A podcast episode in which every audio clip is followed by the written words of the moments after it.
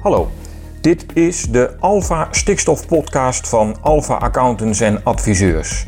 Een accountants- en adviesorganisatie met een podcast over stikstof, zeker.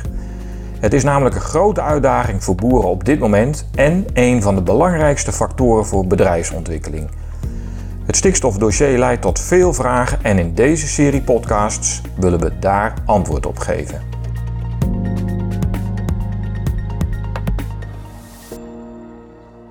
Want we beginnen nu net te meten. En ik snap dat je als wetenschapper zegt, het is allemaal super interessant en we zijn interessant hoe, dat- hoe dat allemaal werkt. Maar de realiteit van vandaag, Martin, is dat de- we zitten al met z'n allen te wachten op een regeling piekbelasters. Ja, Straks weet een aantal boeren, Ja. ik ben piekbelaster. Daar wordt van alles uit de kas gehaald, want Ja. die, die piekbelasters moeten omlaag.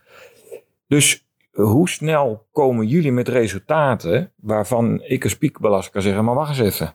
Ja. Moet ik hier eigenlijk wel weg? ja dan komt de vraag wat is een piekbelaster? En daar eh, levert dit eh, meetnet ook wel hele interessante informatie op. Dat, eh, dat wat we vanuit een algemeen denkkader denken dat is een piekbelaster. in dit geval misschien helemaal niet die piekbelaster is. Wat levert deze pilot nu al op met betrekking tot het fenomeen piekbelaster? Zie wel indicaties, maar, maar goed, eh, weet je, we, zijn een paar maanden aan het, eh, aan het eh, meten. De, echte, in- de, de, de, de echte dingen kun je pas echt na, na, na een jaar meten zien. Ehm, nou weet je, ik, ik, heb, ik heb veel discussie gehad over, is dit nou vertragen of, of komt dit niet Ja, muziek achter de... Ja, Nou, ja. de hele polarisatie rondom discussies over piekbelasters, de KDW's, eh, Erius-modellen, noem maar op. Check. 2020 Ja. gingen we advies Remkes. We zeiden ga hier nou mee aan de slag. En heb je in tw- 2022 heb je hem in twee jaar tijd heb je dat meetnet up Ja. and running. Ja. We niet gedaan. We hebben het Erius-model verbeterd. Eh, we zijn eh, met eh, kaartjes gekomen over waar dan het gebiedsgerichte benadering vertaald moest worden in hoeveel procent reductie waar. Van koeien of van varkens of van dieren. Het heeft allemaal nog niets opgeleverd. Ook de hele discussie over de piekbelasters en het wegnemen van de piekbelasters. Wat jij eigenlijk zegt. En onder- waarom zijn we onder- niet ondertu- meteen begonnen met het advies van Remkes? Precies, we hebben gezegd twee jaar en dan heb je het up and running. Nou, we, we- de pilot draait ook twee jaar, hè, van 2022 tot 2024. Ja. En ik zie nu al leuke dingen in die, eh, in, in die, die, die, die, waar, waar, je, waar, waar je toch het gevoel van hebt. Nou, als we dit nou eens eh, doorredeneren, als we dit eens doormeten, als we nog eens een keertje Mhm. doorkijken, Mhm. dan, eh, dan, dan hebben we misschien iets op spoor wat, wat vele malen effectiever is dan die ene piekbelaster voor x miljoen uitkoop. En onder boeren geeft dat een heel goed gevoel. En onder treinberende organisaties kan ik zeggen ook. Want die hebben er ook niks aan. Ja. En de, en de provincies? Ja. Ook? Eh, eh, provincie Groningen heeft eh, dit proces Toch? heeft, Betaald. heeft de adviescommissie, de gebiedsgerichte adviescommissie in het leven geroepen. Heeft dit betaald overigens samen met LNV. Dat En- af, ja. en waar ik nog het meest van geniet is dat dat uit de versnellingsfonds is gekomen. Terwijl Ah, afhankelijk werd gezegd dit versnelt niet, dit vertraagt. Maar eh, eh, het woord draagvlak Vlak. was uiteindelijk de versnellingsfactor die men wel inzag dat hier wel... Dat was het toverwoord. Ja, hier gebeuren dingen. Hier Ja. is een motivatie en een wilskracht om, eh, om iets te doen. En niet in polarisatie te blijven steken. En, Maar ik stel toch nog een keer de vraag, Martin. Ja, Kom je niet te laat? nee, ik denk het niet. Straks, Mm. straks zijn er 500 piekbelasters uitgekocht. Die zijn weg. En dan komen jullie met Maar- inzichten Maar die waarbij die piekbelasters denken... is niet morgen uitverkocht. Hè? Nee?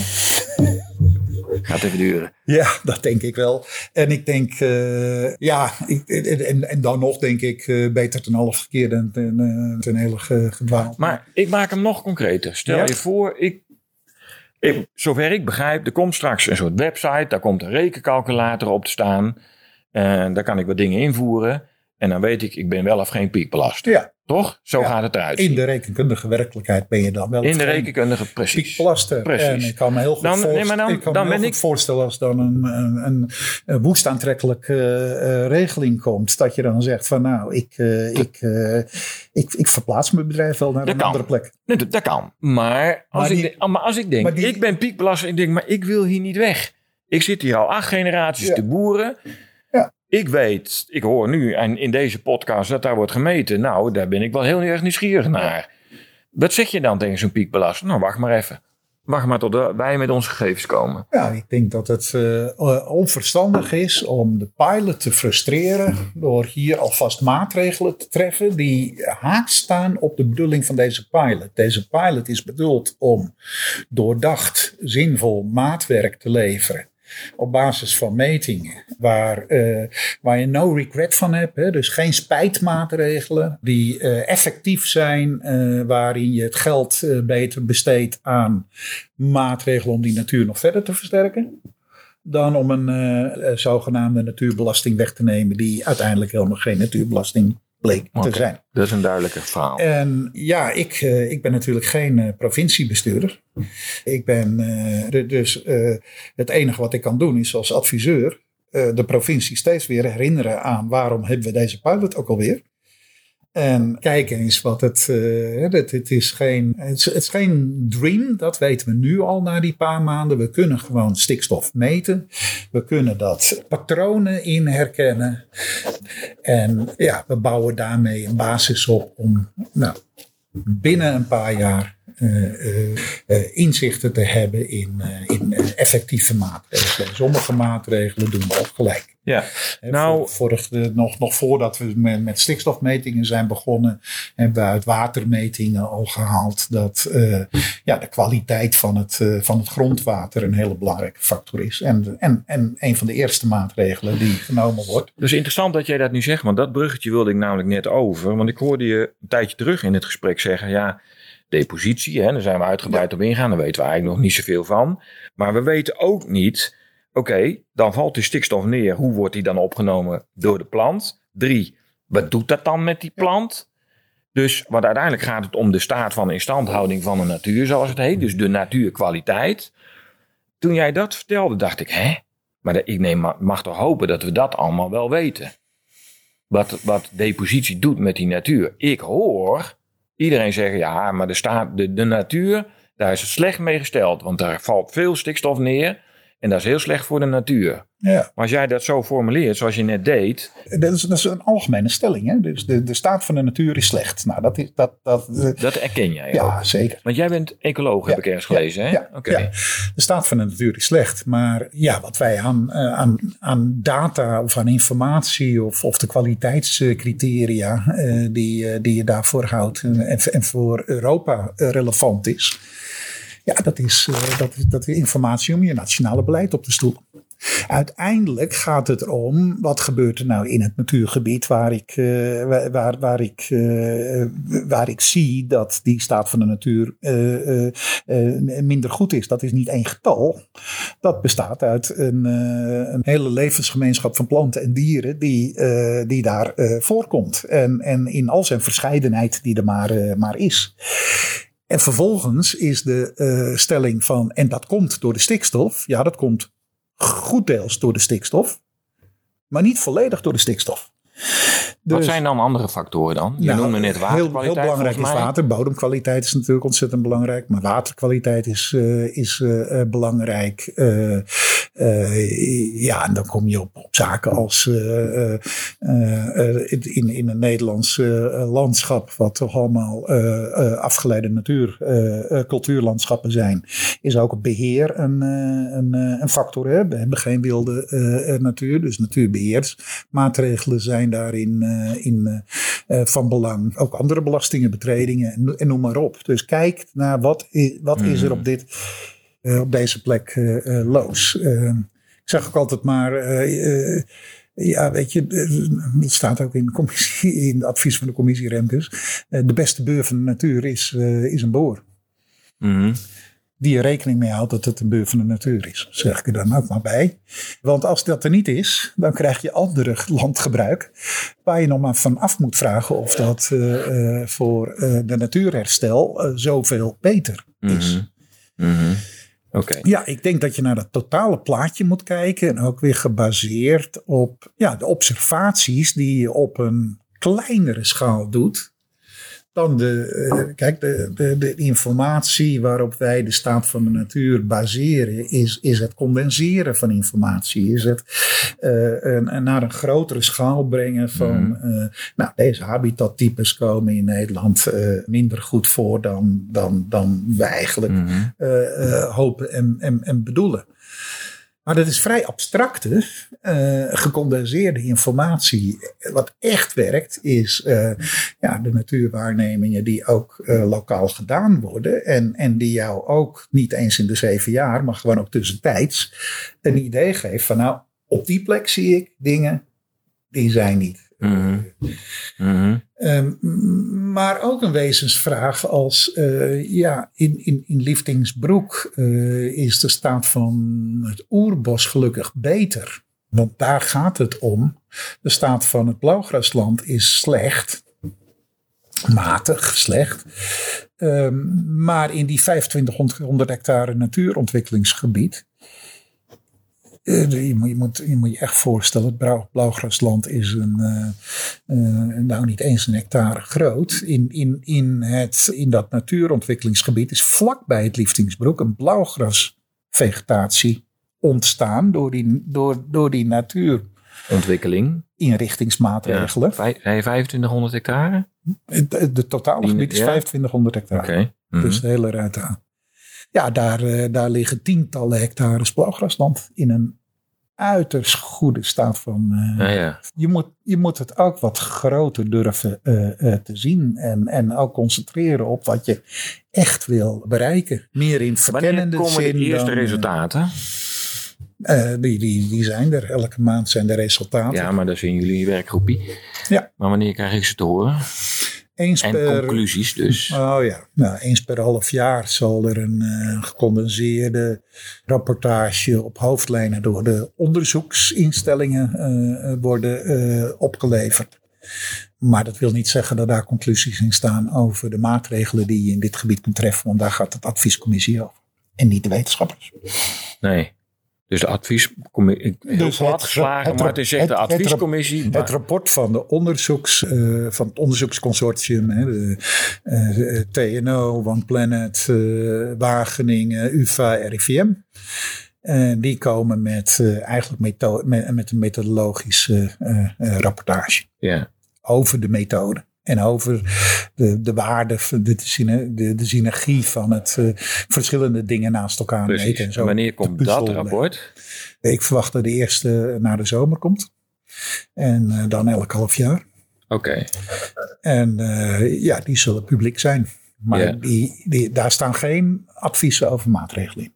Is het denkbaar dat real-time meten ingezet gaat worden in plaats van het rekenprogramma ERIUS? Wat eigenlijk is dat nu de grondslag voor vergunningverlening. Ja, ik zou altijd, Is het denkbaar? ja, ik zou het altijd alle twee doen. Dus en Erius en, uh, en, en meten. Gewoon start maar met Erius. Dat is je nulhypothese.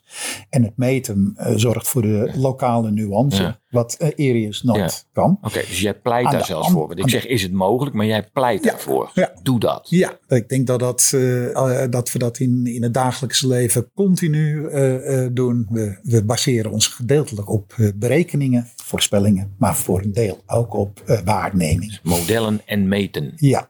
In een, Maar dat goeie- betekent- in, in een goede combinatie uiteindelijk is, je meet, eh, is je meting moet bepalend zijn voor welke handelingen je doet. Maar eh, je, je, je rekenwerk moet, eh, moet, moet je helpen om ook, ook de punten te zien wat je met meting eh, meer inzet op wil, wil krijgen. En je hoopt natuurlijk ook dat metingen leiden tot een verbetering van de rekenmodellen waar er wat algemeenheden in zitten. Mhm. Maar misschien ook wel leidt tot ja, dat we dat afkomen van een Arius model die overal in Nederland toepasbaar zou zijn naar gebiedsspecifiek rekenwerk. Ja, maar dat betekent dus dat we op heel veel plekken dan in Nederland dit soort sensoren moeten gaan hangen. Hier Ja. heb je er nou 11 en straks 12. Ja. ja. Eh, Ja. Hoe duur zijn die dingen eigenlijk? Wordt dat niet onbetaalbaar? Sensoren zijn niet zo heel duur, hoewel de markt nu, eh, eh, nu, nu, nu zo, de, de vraag naar die sensoren is Mhm. zo groot dat, Dat ze de prijs opdrijven. dat dat een marktprobleem Ja, is, ja. inderdaad. Nee, kijk, pilot is duur. Omdat dat allemaal nog eh, inregelen, kinderziektes, Mhm. eh, leren Mhm. met elkaar. Maar ik verwacht uiteindelijk dat er op veel meer plaatsen eh, dit soort sensoren in. eh, niet niet eh, elke keer is weer eh, wat, is, wat is mijn vraag en, en, en, en, en, en wat voor informatie heb ik dan ook nodig, is bepalend van hoe je je meetnet opzet, hoeveel sensoren je nodig hebt. Nee, het hebben van de sensoren is niet, niet de, de, de kosten, maar dat, dat is vergelijkbaar met luchtkwaliteit die we met sensoren meten, Mm. of temperatuur, wind. we hebben heel Nederland vol staan met sensoren. Dijksterkte, noem maar op.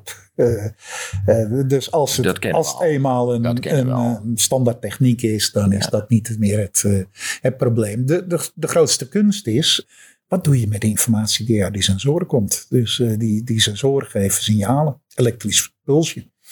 Ja, dat moet informatie worden en dat moet, moet uiteindelijk leiden tot inzicht. Wil je er, er- er iets verstandigs mee kunnen doen?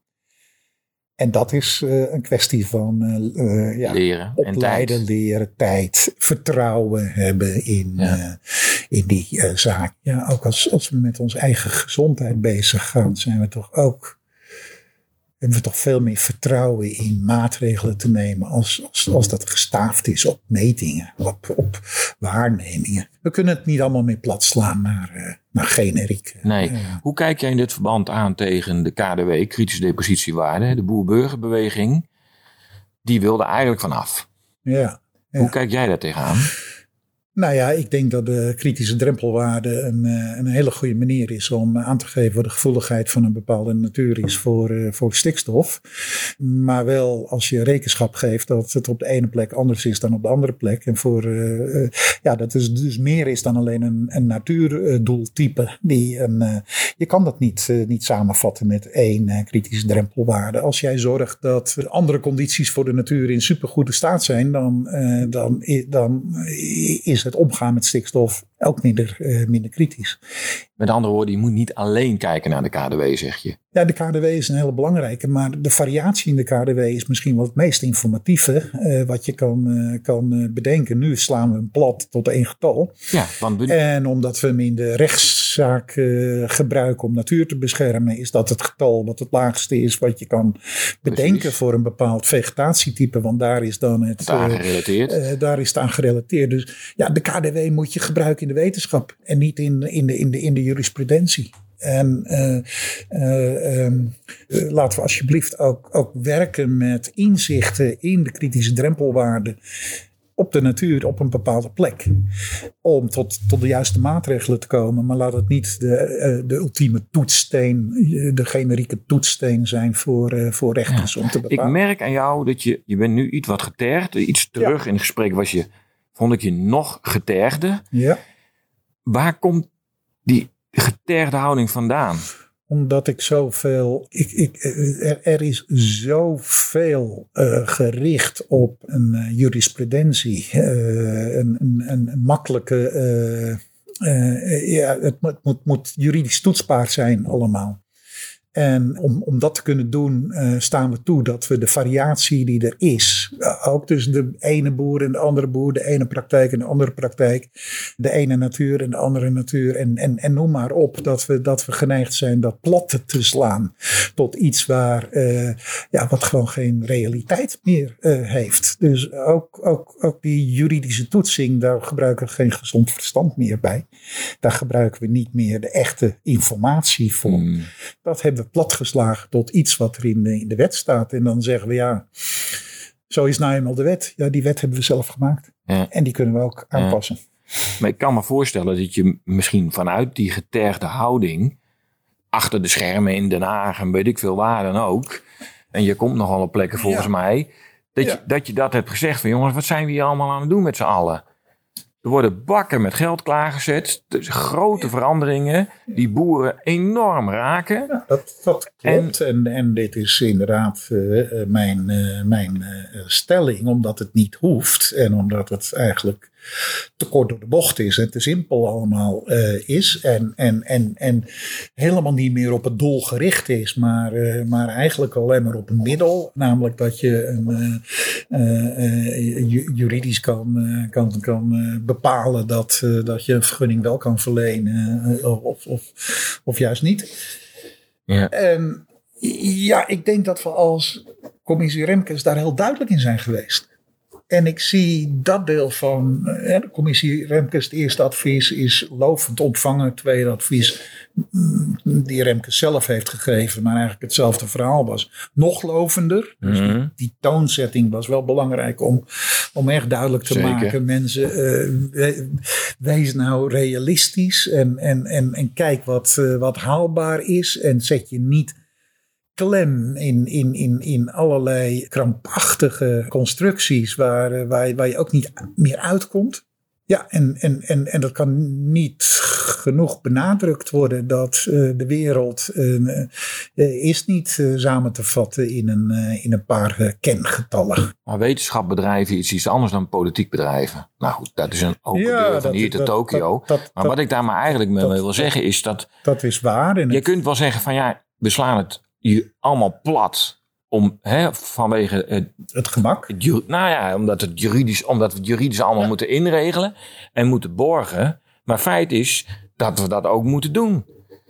Want we hebben een MOB die overal rechtszaken voert. En als provincie, of landelijke overheid, ik moet daar wat mee. Ja, maar de MOB kan alleen maar op basis van de huidige uh, uh, regelgeving uh, rechtspraken aangaan. En ik, ik zou graag willen dat de rechter zich ook baseert op nou, de type informatie zoals we die ook straks gaan opleveren. Kunnen overleggen over wat er bereikt is. Want nou, ik, ik, ik, vind gewoon als je stinkend je best doet om de zaak te verbeteren in een richting die we ook met elkaar hebben afgesproken, dan moet dat ook erkend worden. En simpele rechtspraak leidt alleen maar tot het vinden van nieuwe geitenpaadjes om, daarover, om daar langs te komen. En daar hebben we er ook genoeg van gezien eh, de afgelopen tijd. Ik ga naar mijn slotvraag, Martin. Welke boodschap wil jij boeren nu meegeven met betrekking tot hun rol in de aanpak van het stikstofprobleem? Dus eigenlijk, wat kunnen, moeten boeren volgens jou nou doen? Op korte termijn en op lange termijn? Je stinkende best doen. Uh, om op een uh, goede manier uh, ook voor je omgeving te boeren. Dat vanuit een, een, een, een, goed perspectief, dat mag je ook opeisen, zeg maar. een goed perspectief die het mogelijk maakt om op een zorgvuldige en duurzame wijze voor je omgeving ook, ook te boeren. En, en, en hou dat ook vast. Laat je niet gek maken door ja, door alles wat er, uh, wat er aan, uh, aan inperkende maatregelen op je afkomt. Maar uh, neem het heft in eigen handen en laat zien wat je wel kan.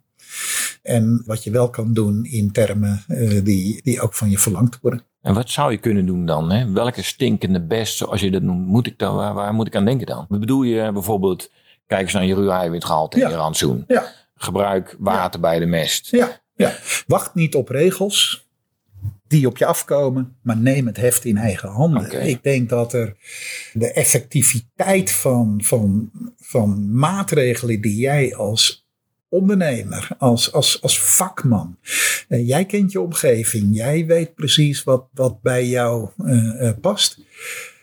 Dat leidt tot een veel grotere verbetering van, van de omgeving dan welke generieke maatregel dan ook. Want een generieke maatregel is per definitie niet de maatregel die het beste past bij jouw bedrijf.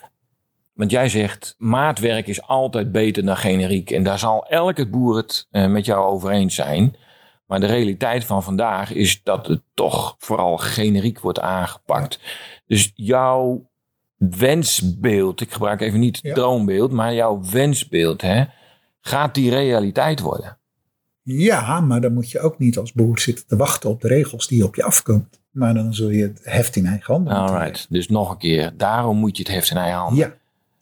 Ja. Want anders wordt dat wensbeeld nooit wat. Nee, en dan kan je uh, oefenloos onderhandelen over, over, over eh, de, de, de, de regels en waar leg ik de grens en hoeveel meter dit en hoeveel kilo dat en, en, en hoeveel dagen zus.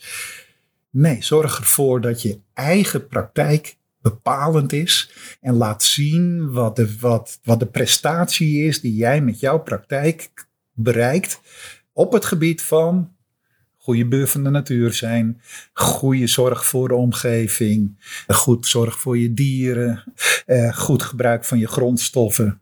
Precies. Kortom. En dan, en dan datgene Dat waar is- we het gesprek dat in het begin zei. Dus dat je, dus, en waar we hier in Liefstingsbroek dus blijkbaar al 25 jaar ervaring mee hebben. Zeg maar, natuur en boeren samen. Kijk hoe dat op elkaar ingrijpt. En hoe je die staat van instandhouding van de natuur. Hè, want je zei, als ecoloog zie ik dat dat niet goed is. Dat zie ik wel. Eh, dus we moeten wat doen. Maar nou we dat nou wel goed en slim doen. Op de manier zoals we in eh, de commissie Remkes al hebben gezegd. Nou, dat heeft twee jaar geduurd voordat we uiteindelijk ook hier nou eens echt aan de slag konden. Dat hadden we ook twee jaar eerder kunnen doen. Eigenlijk zei je dat. Maar nu doen we het. En laten we dat nou doen. Oké, dank voor dit gesprek. Ehm, en als ik daar nou iets aan overhoud, Martin, dan is het nou ja, wel het vluchtige, bij- soms bijna ongrijpbare karakter van stikstof. En dat jullie met eigenlijk via een maatwerk met meetwerk het tastbaarder, concreter willen maken. En dat die resultaten niet morgen op tafel liggen, maar wel, dat hou ik dan over, dat real-time meten een grotere rol zal krijgen in de toekomst. Nou, dank voor je inhoudelijke openhartigheid en eh, heel veel succes met jullie verdere meetwerk. Dank je. Fijn dat je hebt geluisterd naar deze aflevering van de Alpha Stikstof Podcast. Alle afleveringen zijn terug te vinden op www.alpha.nl/stikstof. Heb je nou vragen, opmerkingen of misschien zelfs een suggestie voor deze podcastserie? Mail dan naar communicatie.alpha.nl.